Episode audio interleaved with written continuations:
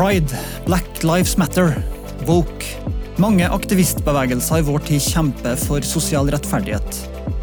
Men Bibelen forkynner også et budskap om rettferdighet, og om en rettferdig Gud. Hva betyr det? Betyr det egentlig at vi som kristne har en viktig stemme i det å bygge en rettferdig verden? I disse fem episodene av Bibelkvarteret vil jeg gå nærmere inn på dette store spørsmålet. Bli med og undersøk et av de store hovedtemaene i Guds ord.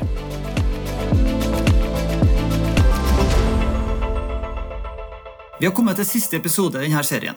Jeg har i fire episoder prøvd å utbrodere Bibelens budskap om rettferdighet, sånn at vi som kristne forstår at vi har et avgjørende bidrag i å bygge en rettferdig verden i det 21. århundret.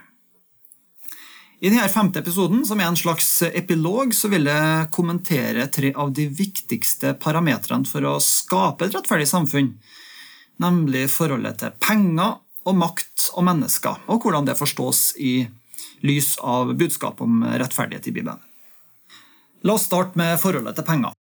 Kristendommens verdensbilde det tar jo utgangspunkt i at alt er skapt av Gud, og at alt tilhører Gud, og at all velsignelse kommer fra Gud. Hva betyr det? Jo, det betyr at eh, evnen til å tjene penger handler ikke om hvor flinke vi er, fordi det er Gud eller Herren som gir oss kraft til å vinne rikdom, og det er Han som gir oss rikelig av alt. Akkurat denne nyanseringa den får konsekvenser, bl.a. i forholdet vårt til penger. Det å være sjenerøs og det å gi til andre er jo et viktig ideal i en verden prega av Guds rettferdighet. Det er saligere å gi enn å få, sa Jesus. Vi kan si det sånn at vi har jo ikke gjort oss fortjent til pengene våre på en sånn måte at vi kan nekte å se andres behov.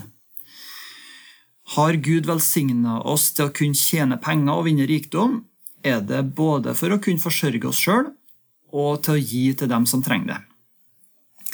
Et sånn syn på penger det står eh, i kontrast til både sosialismen og liberalismen, som er to rådende ideologier i verden vi lever i.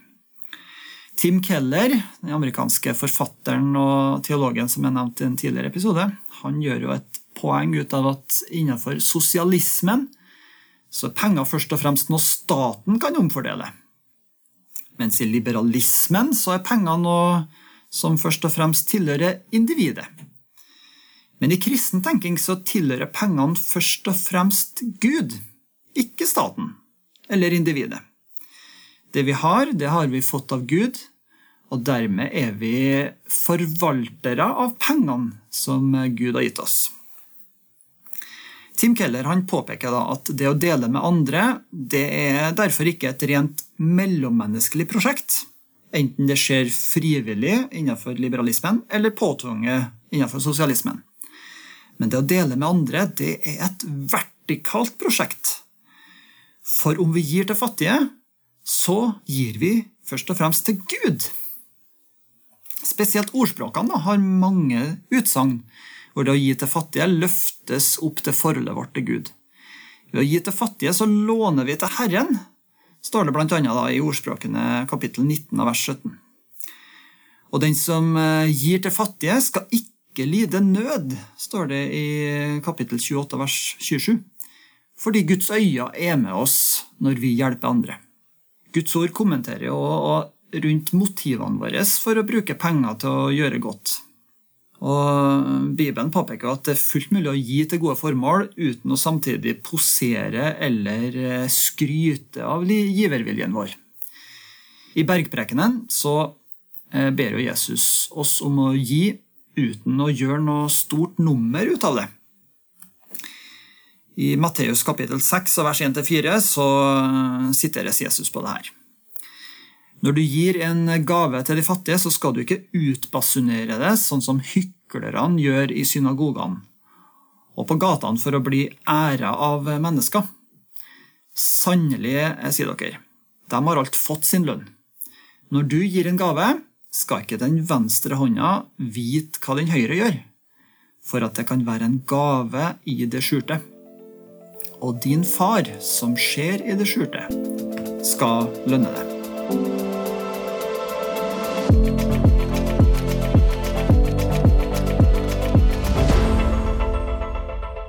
La oss gå videre til å kommentere forholdet til makt og sannhet i lys av eh, budskapet om rettferdighet.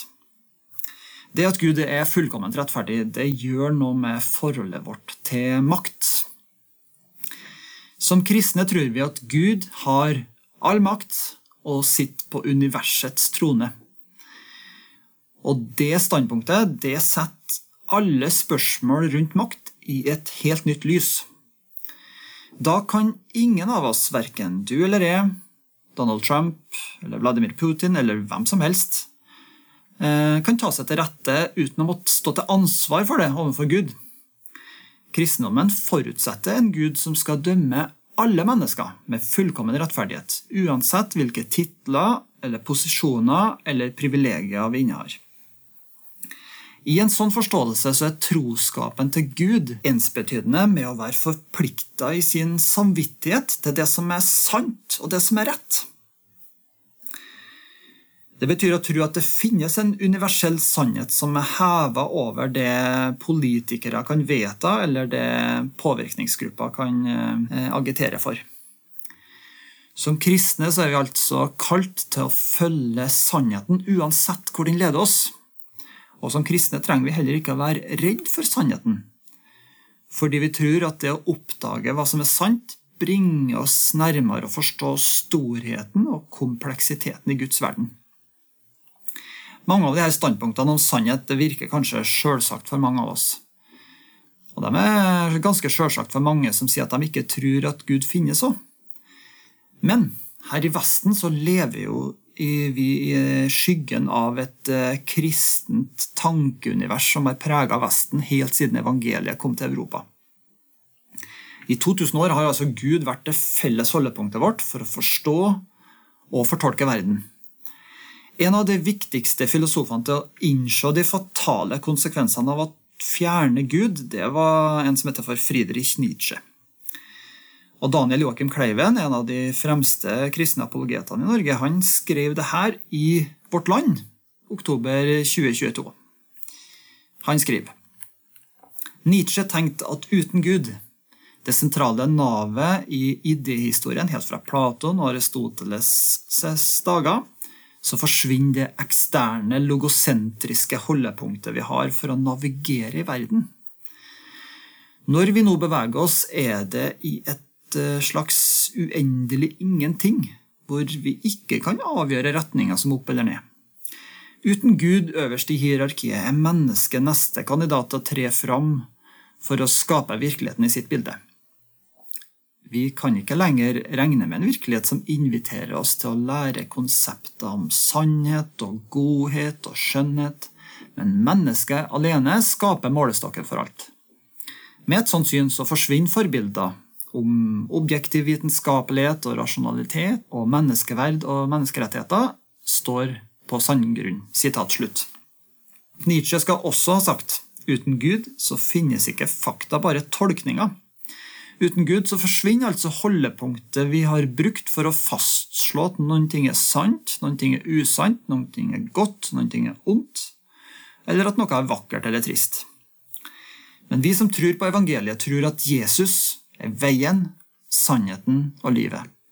Han er selve definisjonen av sannhet. Hans liv og lære er målestokken vår for verdier som sannhet, rettferdighet og skjønnhet. Det betyr at vi som Jesu etterfølgere vil mene noe om hva som er sant og rett og godt. Alle livssyn og standpunkter er ikke like gode eller nøytrale. Et sånt syn det forbindes med noe som heter for nihilisme. Ja, Her var det kanskje mange høytsvevende standpunkter, tenker du kanskje. Men la oss bli litt mer konkret, da.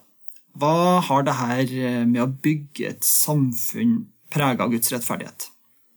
Jo, for det første så betyr det at Jesu etterfølgere, som oss, ikke kan la seg diktere eller knebles av pressgrupper eller av politisk makt. De første kristne de underordna seg de romerske makthaverne, men de nekta å tilbe bildet av keiseren, noe som ga dem stor motstand og forfølgelse. Og I de periodene med pandemi eller pest i Romerriket så var det de kristne som var først i rekka til å hjelpe syke og svake, sjøl om det hadde en stor risiko for at de ble smitta sjøl. Og det gjorde de fordi de var forplikta på sannheten og på de idealene som Jesus hadde lært dem. På samme måte så trenger vi altså å tenke kritisk og selvstendig rundt vår tids problemstillinger. Står vi som kristne for ærlighet, rettferdighet og sannhet? Hvilke pressgrupper prøver å kneble oss eller andre sannhetssøkende mennesker til taushet? Blir vi så sinte på dem at vi reagerer i affekt, eller møter vi våre meningsmotstandere med Jesu kjærlighet? For det andre da, så er det sånn at Guds rettferdighet gjør òg at vi ikke kan ty til løgn eller overdrivelser eller svertekampanjer for å vinne fram med våre synspunkter. Vår forpliktelse til sannheten gjør at vi må velge å besinne oss, sjøl om eh, våre meningsmotstandere kanskje tyr til sånne virkemidler. Og Det å være saklig, og det å være sann og det å være ydmyk og respektfull når saker diskuteres, det gjør at vi følger Jesus og apostlene sitt eksempel. Samtidig da, så bidrar vi til å bygge og opprettholde den samfunnsmessige tilliten som har eh, kjennetegna Norge i moderne tid.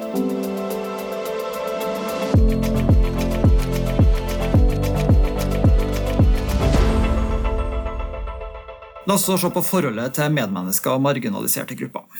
Og det er den tredje sida ved å bygge et samfunn prega av Guds rettferdighet. Det handler om hvordan vi møter våre medmennesker. Det kristne menneskesynet favner både at alle mennesker er ønska og skapt i Guds bilde, og det favner også at alle mennesker bærer i seg en ufullkommenhet og en sårbarhet, altså at vi er syndere. Derfor så er jo kristendommen i sin opprinnelige form ekstremt likeverdig og egalitær. Vi stilles alle på lik linje overfor Gud. I Jakobs brev kapittel 2 vers 1-4 så står det sånn. Mine søsken, dere kan ikke tro på vår Herre Jesus Kristus, Herlighetens Herre, og samtidig gjøre forskjell på folk. Sett at det kommer to menn inn i forsamlingen deres, den ene i staselige klær og med gullring på fingeren, og den andre fattig og i skitne klær. Så legger dere merke til han med de staselige klærne og sier vær så god, her er en god plass. Men til den fattige, du kan stå der, eller sett deg ved føttene mine. Har dere ikke da skapt et skille blant dere? Er dere ikke blitt dommere? Med onde tanker. slutt. I vår tid så er veldig mange opptatt av det med identitet. Altså hvilke sosiale kategorier vi identifiserer oss til. Enten vi identifiserer oss som kristen, ateist, skeiv, streit, progressiv, konservativ eller hva som helst. Og ikke minst hvilke karakteristikker vi gir våre meningsmotstandere. Det kristne menneskesynet avviser at alle typer sosiale kategorier har noe som helst betydning for Gud. Gud opererer med kun én kategori, og det er mennesker. Som er skapt i hans bilde, og som er syndere som trenger hans frelse. Det å være kristen er derfor å møte alle som likeverdige medmennesker med respekt, uansett hvilken kulturell bakgrunn de har, eller hvilke meninger de har. Det er verken å se ned på mennesker eller å forgude og se opp til dem på en usunn måte, men det er å møte alle mennesker i øyehøyde. Bibelsk rettferdighet betyr å behandle alle med samme respekt. En sånn likhetstanke var fullstendig fraværende i alle oldtidskulturer, sånn som Babylon, og Hellas og Rom osv. For de leste jo ikke første Mosebok om at alle var skapt i Guds bilde. Men Jesus han konfronterte både rasistiske holdninger til samaritanerne blant jødene. Han behandla de spedalske med medmenneskelighet, og han understreka at Gud elska hedninger. Jesus ba disiplene invitere fattige inn i hjemmene sine i vennskapelighet, og han ville hjelpe mennesker uavhengig av deres eh, sosiale eller religiøse bakgrunn.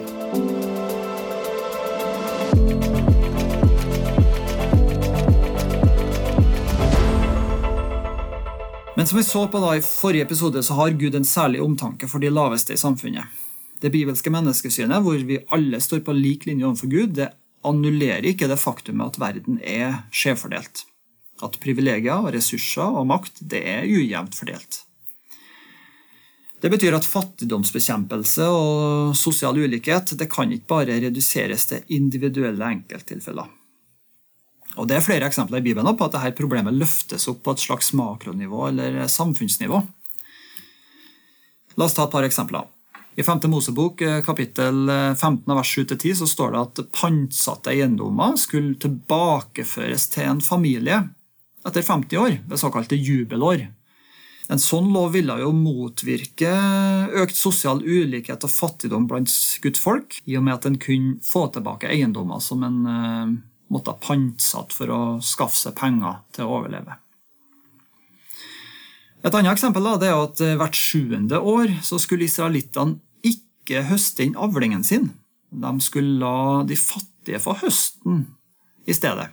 Det finner vi i 2. Mosebok kapittel 23 vers 10-12. I 5. Mosebok eh, kapittel 24 vers 19 så står det at landeiere skulle la kornaks ligge igjen til de fattige. Og Moseloven la begrensninger på at gjester kunne utnytte landeiere. Så hvorvidt de fattige sjøl hadde skyld i fattigdommen sin, det var egentlig uvesentlig for Gud. Så kallet da i Bibelen til å ha omsorg for svake det bygger opp erkjennelsen av en fallen verden, hvor muligheter og ressurser er ulikt fordelt, og hvor de privilegerte har mer sosial og økonomisk kapital. Bibelsk rettferdighetsforståelse erkjenner at de rike og ressurssterke har mange muligheter til å skaffe seg fordeler, men Gud sjøl løfter seg sjøl opp da, til å være den høye beskytteren for de fattige. Han tar de svakes parti, og han ber oss om å gjøre det samme. Så sjøl om vi kan tenke oss at de fattige har skyld i sin egen elendighet, så aksepteres ikke her som en god nok unnskyldning. Tvert imot så sier Bibelen at salig er den som har omsorg for de svake.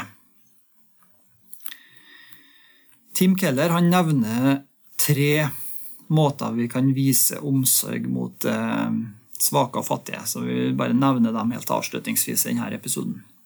Punkt én er at vi trenger å møte umiddelbare behov. Sånn som i historien om den barmhjertige samaritanen i Lukasevangeliet.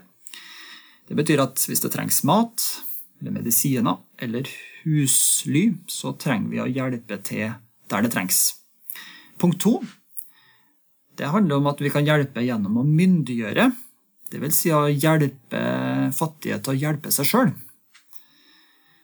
Og Dette har vært en sentral del av oppdraget som vestlige misjonærer har tatt med seg i kristen visjonsvirksomhet, nemlig å identifisere årsakene til fattigdom og hjelpeløshet, for å deretter å sette inn de riktige tiltakene, sånn at familier og lokalsamfunn kan ta vare på og forsørge seg sjøl.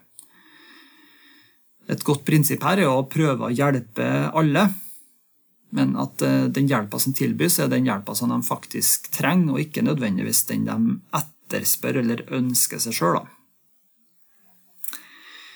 Det tredje og siste punktet til Tim Keller er at vi trenger å adressere sosiale strukturer som rammer spesielle grupper. Et eksempel her eh, fra Lukasevangeliet er der Jesus konfronterer en eh, praksis om at du inviterer bare dem som er i stand til å invitere tilbake. Eh, en praksis han refser da i Lukas kapittel 14 og vers 12-14. Det har jo den konsekvensen at marginaliserte og fattige familier aldri vil bli inkludert i denne sosiale strukturen av invitasjoner og gjenytelser. Og Det får fram et viktig poeng, nemlig at kristen nestekjærlighet aldri kan reduseres til å bli et sånn gjensidig bytteforhold mellom ressurssterke mennesker og familier. Men kristen nestekjærlighet strekker seg ut til dem som ikke er i stand til å gjøre tilbake det som du gir dem. I denne episoden og i eh, episodene for øvrig er det masse bibelhenvisninger. Eh, jeg har ikke nevnt dem konsekvent, men hvis du går inn på sennep.nett og leser manusene som er publisert til alle de fem episodene, så finner du bibelhenvisninger til mye av det som har blitt gjennomgått i de fem episodene. Jeg ønsker å takke for at du har lytta til denne serien om rettferdighet fra Bibelkvarteret. Gå gjerne inn på sennep.nett. Eh, vi har masse godt stoff om eh, mange temaer der. Og lytt gjerne til de andre episodene av Bibelkvarteret òg, i tillegg til de andre podkastene som vi publiserer gjennom sennep.nett. Du har nå hørt en episode fra Bibelkvarteret på sennep.nett. Du vil også finne mer stoff på sennep.nett som gir deg inspirasjon til å følge Jesus i hverdagen. Innholdet på Sennep er gratis og tilgjengelig for alle. takket være økonomisk støtte fra kristent nettverk, menigheter og enkeltpersoner. Du kan også hjelpe oss ved å be for oss, dele innholdet vårt med venner og bekjente, rate podkastene i den podkastappen du bruker, eller ved å gi en gave på VIPS. VIPS nummer 54 66 68. Takk for at du lytta til sennep.nett.